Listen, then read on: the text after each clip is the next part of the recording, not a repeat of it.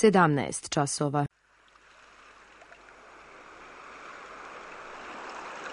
Radio Televizija Srbije. Radio Beograd 2.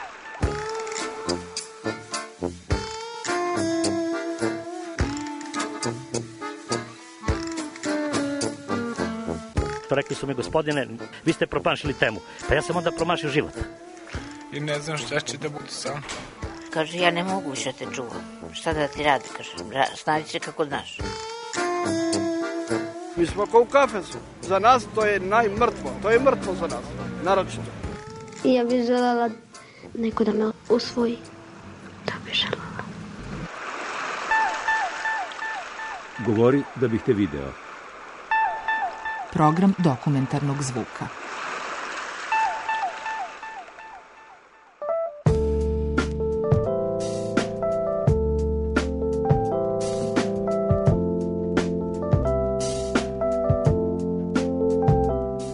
Poslednjih desetak godina poetska scena Srbije sve življe i produktivnija.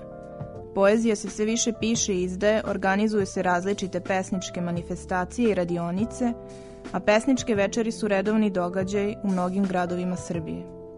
U reportaži govorići Ana Marija Grbić, doktorant Filološkog fakulteta na oceku za srpsku književnost, jedan od organizatora poetskih večeri ARGH. Brano Marković i Radmila Petrović, polaznici radionice kreativnog pisanja pri Domu kulture Studenski grad. Takođe čućete tonski zapis sa poetskih večeri ARGH. Nikolina Rafalova, sada Pančevačko-Pariški Niga, Vlada, Pali, Brk!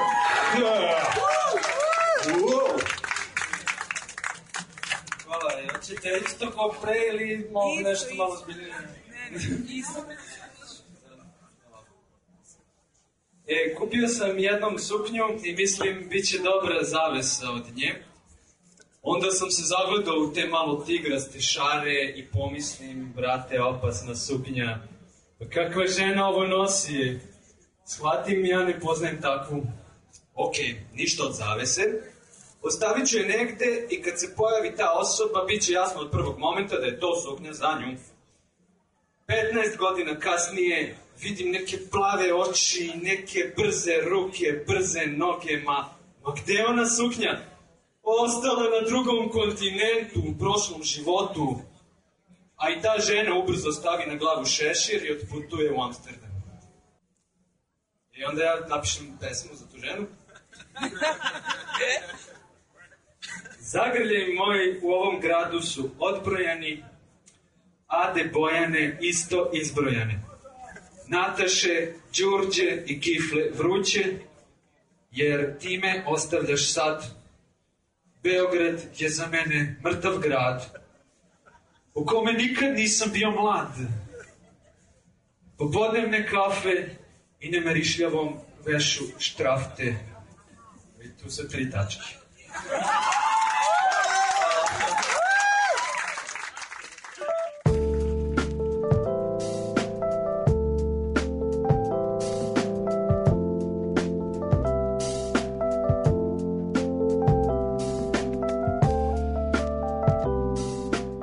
Već 7 godina organizujemo večeri čitanja poezije jednomesečno po raznim klubovima u Beogradu. I to su večeri poezije na kojima čitaju neki pesnici koji su već poznati i koji su objavljivali mnogo knjiga poezije, kao i ljudi koji su napisali možda jednu ili dve pesme.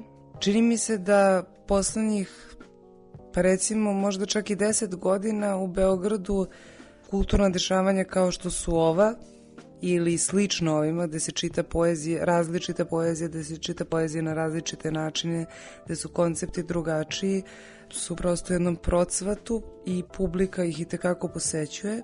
Mi smo svi negde krenuli od pesničenja, koje sada radi i dalje funkcioniše, ali nemaju mesečno okupljanja. I oni su nas negde ohrabrili na to da možemo da radimo takve stvari i da to zaista ima svoju publiku. Često moramo da menjamo klubove zato što ne možemo da zato što klub ne može da prihvati toliki broj ljudi. Čini mi se da je to jedan dan u mesecu kada ljudi dođu da pričaju, naravno između pauza i zato jeste klubska atmosfera, da komentarišu pesnike koje su, čije su radove čuli pre toga, da razmenjuju pesme među sobom, da se upoznaju, e, da se recimo vide nakon jako dugo vremena, da gostuju neki pesnik iz inostranstva ili i da i njega mogu da upoznaju, da razmene knjige međusobno, što je možda i najvredniji aspekt tih večeri poezije ili zapravo jednako vredan koliko i samo čitanje, to druženje između tih krugova. Da. Nije mi lako. Lepo to čitaj prezentuj knjigu na vreme. Tugovanko moja vrati mi se, srž od srži, istina od lepog, kuću bez tebe, u crvu jabuka, pisanje ukočenim vratom, brini o meni, budi o meni, kost o meni, Danilovog oca pismo o meni. Haubice veselo pevaju mom plemenu, o drveću punom naših prijatelja i rođaka. Spuštaće ih lagano na dlan, na dan, na san, na gram. Lezi ranije, dobro se naspavaj. Sutra će rat. Hvala.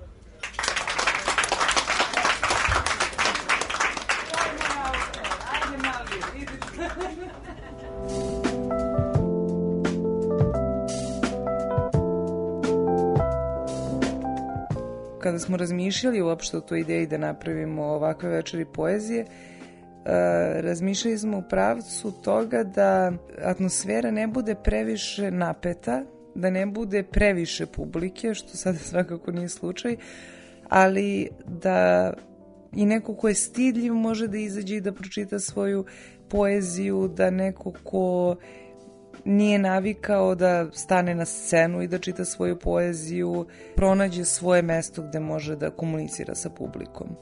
Neko mesto gde će, koje će e, biti pomalo ušuškano, koje će mu dati određenu vrstu sigurnosti i koje će po samoj svojoj prirodi, pa i konzumacije alkohola i e, te neki tih pauza koje donose druženje biti malo drugačije od onoga što smo videli pre toga. E, mi nikada nemamo zapravo scenu scenu blisku pozorišnoj sceni, već je to više jedna improvizovana scena gde je izvođač vrlo blizu publici i može da komunicira s njom nekako, čini mi se, na jedan prisniji način.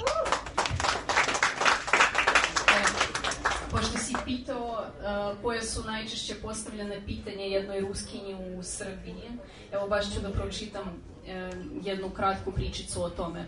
Ja inače imam, kad smo kod Indije i tih terminologija, neki karmički odnos sa beogradskim taksistima, prosto verujem da je to tako.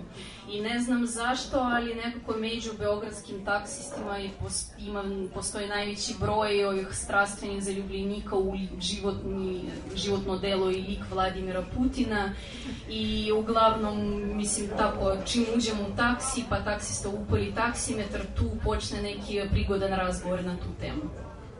Ali ne uvek. Zavidim taksistima jer je svet u kome žive jasan i jednostavno uređen i ako život zna da bude težak i zajeban. Na nebu je Bog, na zemlji je Rusija, zlo je na zapadu, Putin je sila, pravde ima nezavisno od toga da li nam nekad bude dodeljena. Najbitnije je u životu da se čovjek snađe, a čovjek se snađe tako što nađe dobar posao, a dobar posao je državni ili uvoz-izvoz ili da se ode preko grane, a cilj svega je pravljenje para. Ugled se stiče dobrim autom, status se stiče ženom, kod žene je bitno da je dobra domaćica, a te kako ima dobre sise. A dečice su tu da svemu daju smisao i da opravdaju naš kratki boravak na zemlji. Jesi li ruskinja, pita me taksista. Jesam. Vidiš kako sam znao, a dobro znaš srpski jezik, jel da? Da. Koliko si dugo ovde? Osam godina. Udala si se, garant. Nisam. Onda radiš u ambasadi. Ne radim. Pa šta radiš ovde? Živim. Onda mora da zarađuješ dobre pare čim možeš da živiš. Ne razuveravam taksistu u pogledu para koje zarađujem, jer u zadnje vreme nešto nisam u fazonu da drugima propovedam kompleksnost sveta i bogatstvo ljudskih motiva. Pa ga samo pustim da nastavi priču o tome kako ruskinje vole da se udaju za naše ljude i kako je jedna ruskinja bila gošća kod njegove žene, pa nije ništa pojela za nedelju dana, nego je samo cirkala i gledala da se smuva s nekim našim jer bi volela da se uda. Onda odgovorim potvrdno na njegovo pitanje o dečku da bi se došlo do zaključka da je udaja samo pitanje vremena i da bi red ponovo bio uspostavljen. Pa iza završene priče u tišini shvatim da ja svakako ne mogu da poremetim njegov svet jer sam samo statistička greška, taj 1% koji se uvek toleriše. Hvala.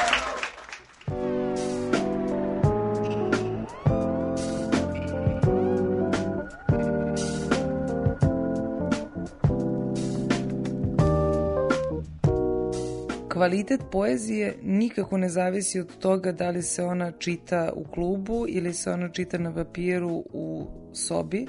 Ukoliko je ta poezija ono što ono što u čemu se mi prepoznajemo i ono što nas dotiče, ta poezija će uticati na nas apsolutno jednako ako je čujemo kako je čita autor ili ako je pročitamo na papiru.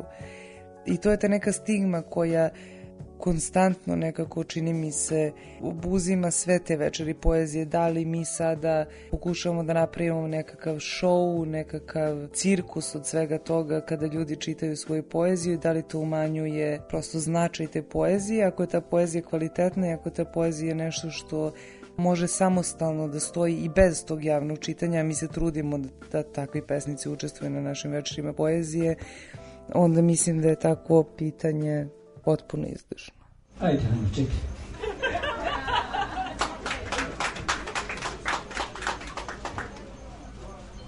Proleće i već se zloslutno bele cvetovi po krošnjama, ozelenelo i dno šoljice, patinirani rubovi kašika. Ruke koje niču iz vode samo traže svetlost, a ja ne želim da gledam koliko smo se duboko spustili. Ventilator ritmičko, ritmično obezglavljuje mirise, proleće, na zidovima isti film. Senka šake polako se širi i skuplja, kroz prste protiče gust vazduh, tu su se do malo pre sudarali kukovi. Proleće, moje telo i ja u mirnoj koegzistenciji, dani kratkog daha, iz torzu za snežilje uspice sasušene sperme poput zvezda, ali unutrašnju stranu prozora kiša večito udara, nedovoljno. A šta kada na majski veter utrlja polenu kožu? I baš ništa da opere nakazni, palim se sto i gledam u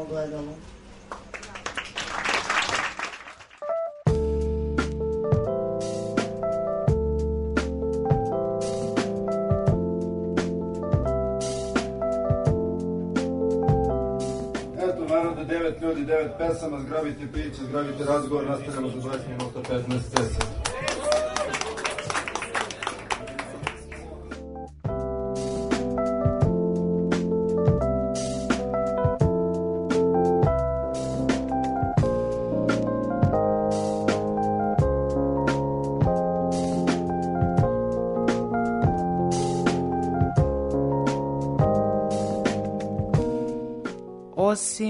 Toga što organizujem večeri poezije, bavim se i kreativnim pisanjem to jeste držim radionice kreativnog pisanja, koje još uvek nisu, nažalost, u e, dobro integrisane u školski sistem. E, kreativno pisanje jeste i dalje nepoznanica u našoj zemlji i dalje mi se čini da ljudi ne žele da pribegavaju takvoj vrsti nastave zato što je vrlo postavljaju se ra, raznolika pitanja, na primjer, da li neko može da se nauči da kreativno piše, da li samo talentovani ljudi mogu da pišu, da li je talenat nešto što se uči.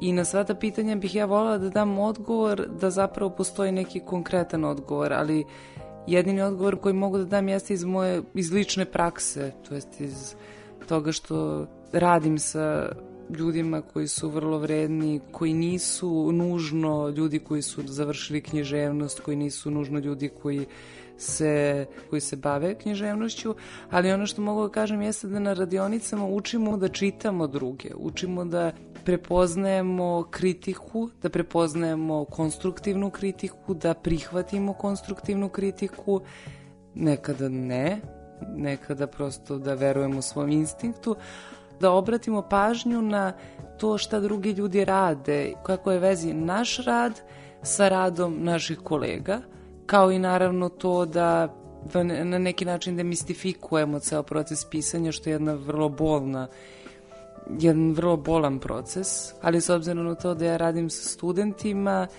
ovo je, čini mi se, pravo vreme da se kaže da je za jednu zbirku poezije ili za zbirku pripovedaka, naročito za roman, potrebna disciplina i jedan kontinuiran rad, što će svakome u tom periodu, pa i meni kada sam bila tih godina, biti jedna šokantna i neprijatna vest. Prvi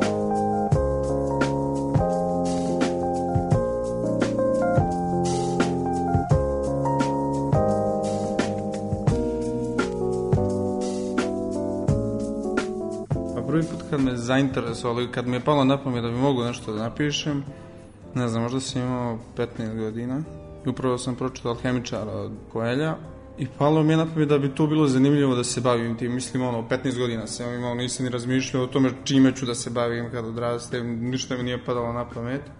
I tad sam ono, kao pa mogu bi da pišem. Međutim, nisam uzeo olovku ruke i to je isparilo. Sad, zbog čega? Možda mi se činilo nerealno, možda sam bio malo ilijan za to, ne znam. A drugi put, kad mi je palo i kad sam i počeo da pišem, to je možda bilo prije tri godine, ovaj, i tad sam počeo da pišem pjesme za curu. Za djevojku sam počeo da pišem pjesme. I tako je to počelo, jedna pjesma, druga, pa priča, pa ovo, pa ono. E, međutim, i to isto bilo sitno, ono, napišem jednu pjesmu dva, tri mjeseca ili nešto. Ni tada nisam razmišljao da ono sad da s namjerom sjedim i da pišem, da olakšam dušu ili šta već. E, do toga je došlo kada sam raskinuo s tom curom. ovaj, e, onda mi je trebalo da olakšam dušu. I onda je pisanje taman došlo kao dobar filter, ventil. I međutim, onda sam u tom pisanju našao još neke stvari, a ne samo kao ventil da te emocije sve izrazim, da se riješim toga, nego sam i počeo i da otkrivam i o sebi više stvari kroz to pisanje i počeo sam i da uživam. Svidjelo mi se to, baš mi se svidjelo. I onda sam krenuo na radionicu kreativnog pisanja i tada sam i prvi put se susreo s tim da mi je neko čitao moje radove i to mi je bilo veoma bitno i da se oslobodim da čujem tuđa mišljenja i malo da raširim svoja mišljenja o pisanju. Previše sam bio stidljiv što se tiče pisanja, da bi uopšte pričao sa nekim oko tog pisanja. Ne znam, kad sam počeo, doživio sam to kao, a, to je malo čudno. ovaj, međutim, moj najbolji drug, on imao dosta razumijevanja i sa njim sam, i on isto piše pjesme ponekad. Tako da imao sam u njemu nekog s kim sam mogao da pričam. I isto mi je bila bitna podrška da neko kad pročita moje tijelo da kaže pokoju lijepu riječ.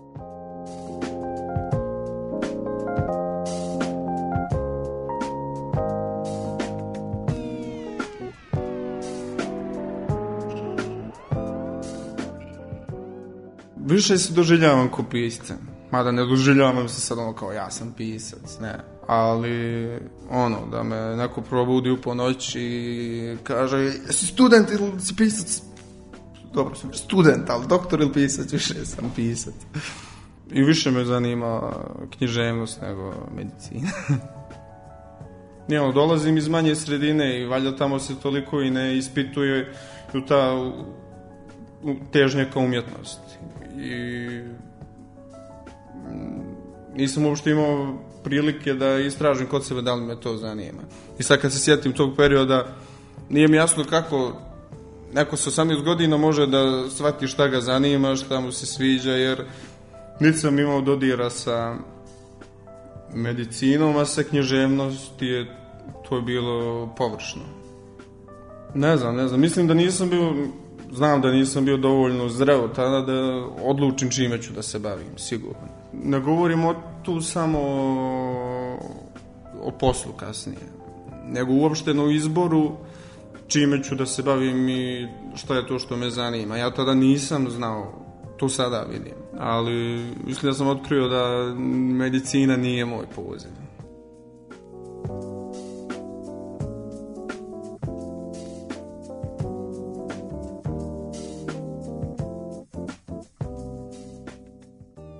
Se Jelica Simović i predugo pisala pjesme. Još jedna kap znoja je nabubrila na njegovoj sljepočnici, istog trena se priključivši svoje vrsti na spustu niz ćosavi obraz. Na vrhu brade se ulila u potočić suza i uz trza vilice nestala u mraku. Previše sam mlad da bih se znojio ovoliko, a previše sam mlad da bih umro. Mislio je u iščekivanju hladnog čelika giljotine. Kako je to mogla da mi učini? Kako je samo mogla? Strah je iskrivio vrijeme i on nije mogao znati da je zatvoren tek jedan sat. Želio je da živi. Bar još jedno ljeto. Da se još jednom zatoči niz obalu, gonjen plamenim bičom podnevnog sunca i vine se u vodu potrazi za hladnim utočištem drine.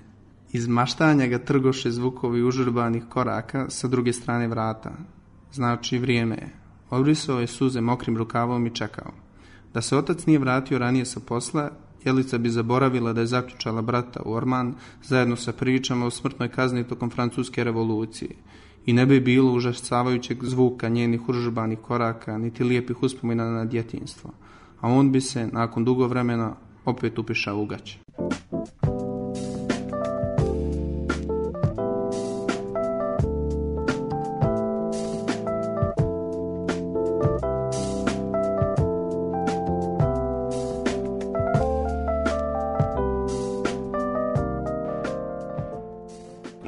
Dve sestre starije, lepše i pametnije. Studiraju takođe ekonomiju i nikad nisam ni, nisam nikad želeo da budem neki pesnik. Uvek sam želeo da budem poslovna žena, kao i gde igrali smo se toga kancelarije, ovamo tamo učiteljica, ali nikad kao kakva poezija, kakvo čitanje, da ako to samo ako mora, ako učiteljica ili profesorka rekao to mora se pročitati tad, onda uzimaš i čitaš na brzinu. I u jednom trenutku obe odlaze na fakultet, duše prvo jedna pa druga, ali kada je i druga, onda ti ostaješ sam, vraćaš se kući, roditelji rade, pošto sam se sela, i ti, ti nemaš s kim da priš, možda upališ TV kao imaš tri programa i nemaš šta da radiš. Imaš ti da učiš, ali nešto između učenja. Nemaš ništa što bi radio, I onda ja poč nalazim tu, tu čitanku neku sa Midragom Pavlovićem, pesme možda Rekvijem, neki bosonog dečak sedi na kapi i jede grožđe u toj pesmi. I ja počnem da čitam, vidim, to me začudilo baš kao kako se tu ne rimuje, gde je tu rima. Pola nisam razumela, mnogo bilo zvučno. Ja sam to učila tako, onda sam počela da, da, da skidam s YouTube-a, sam skidala, ono, slušam neke recitacije od Neruda i tako nešto. E, I onda sam nešto počela ja da pišem, mislim, to je bilo nešto, neka ljubavna tematika, ne, neki teški neki kinč ili kako se to kaže u književnosti, opšte, to, to, to je bila opštih mesta, ali eto, kao ja sam to odnela profesoru, da on vidi da imam talent, rekao da imam. I onda kao idemo sad da pišemo, ali bez, bez rime i tako malo, malo drugačije. Pa kad sam živjela tamo gde sam živjela, onda sam mislila da se neke stvari samo tamo dešavaju i da ljudi, ni, mislim i dalje mislim da ljudi nisu svesni nekih stvari koji se dešavaju u malim sredinama I onda sam želela da, da ja to kažem. To je neki odnos selo-grad, ironičan neki, ovaj, nek sve, većinom su neke socijalne teme. Uglavnom, kad nešto pišem da meni bude lakše, to, to nije ni za šta, to se posle izbriše. I mislim, ne verujem u bilo kakvu inspiraciju, više u, u to da li imam ili nemam šta da kažem. Što se oko mene događa, uglavnom. Mislim da ne možeš da pišeš o nečemu što nisi video ili barem delimično proživeo ili neko kraj tebe nije proživeo.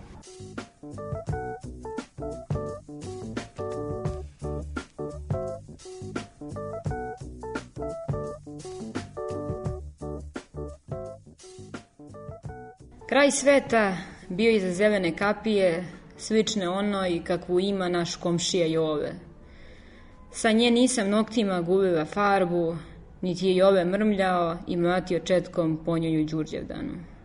Nisu svoje važne njuške proturali kroz rešetke njegovi volovi, nije im ona bila prepreka do divljih jabuka i sveže lucerke. Ta zelena kapija razdvajala je naše selo i nema više sveta. Iza kapije sa kraja sveta nisu bile kace sa rakijom, niti je i ova žena slagala drva pod trenom. Bila je livada. Na njoj su se igrali unučići deda Jova i rasla je gorčevina novembrom. Do zelene kapije na kraju sveta dolazilo se putem što beše sporno mesto u komšinskim odnosima. Tu je moj deda rekao i ovo da su i njegovi stari zla činili, da im je prokleta loza, da zato nema snaju, da zato nema unučad. Posle toga nisu govorili ni na kavdremi kod kraja sveta, ni u njegovom ostatku. Moj je tata po dedinom nalogu išao da čuva granični prelaz u nema više sveta, da i ove ne provuče dvokovice sa drvima tuda, da se ne gazi sporno mesto, da se ne skrnavi dedovina. Dok stajali smo zajedno pred kapijom blizu kraja sveta, rekao mi je deda da moram zapamtiti gde su na međe, da se zemlja bez nužde ne prodaje, da nema ništa gore od suda, da ne valja što sam žensko, da će se i naša kuća ugasiti. 12. novembra kad je umro, moj deda upregao njegove volove, sijao se hrastov sanduk nad Vokovicama. Tog novembra kročio je i ove kroz zelenu kapiju na kraju sveta, što viči na njegovu, pogazio nekoliko struka jagorčevine i izljubio unučad.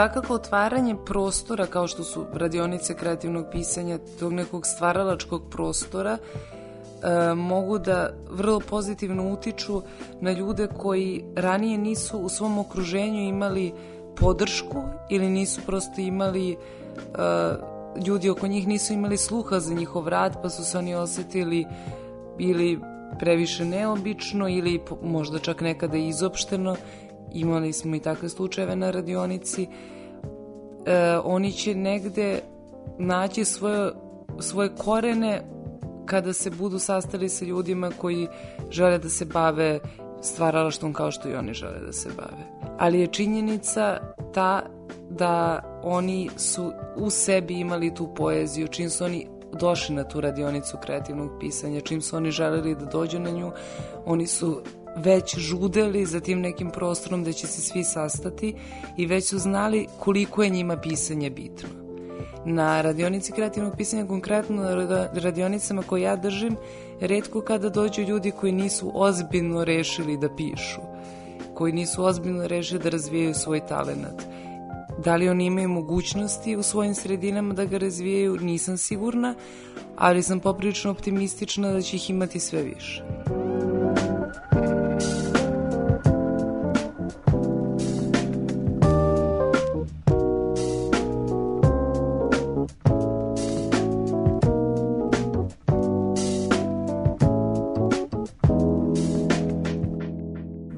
Interesantno kada mi je jedan prijatelj sa Filipina, koga sam upoznala na jednoj manifestaciji, jednom književnom festivalu, rekao da sam ja vrlo sretna što sam pesnik, jer to znači da mi se knjige prodaju i da sam, ovaj, i da sam već neko ime, recimo u Srbiji, na što sam se ja zaprepastila. Onda mi je on objasnio da se u njegovoj zemlji postaje nekog ozbiljnog književnog ime isključivo preko poezije i kako tek onda nakon što se ostvariš kao pesnik recimo počneš da pišeš prozu i da se poezija prodaje mnogo više nego proza što svakako nije slučaj u Srbiji.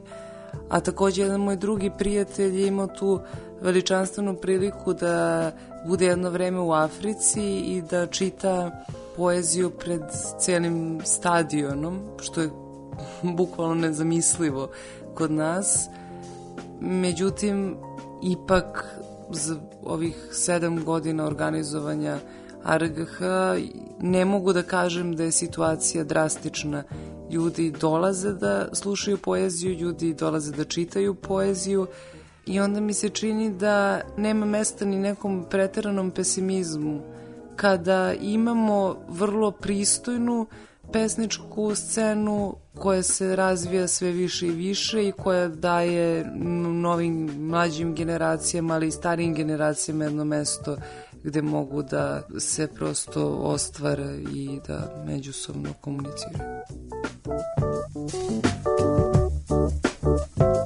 Poeziju su čitali Vladimir Palibrg, Danilo Lučić, Ana Rostokina, Anja Marković. Autor reportaže Milena Radić, ton majstor Nenad Đorđević.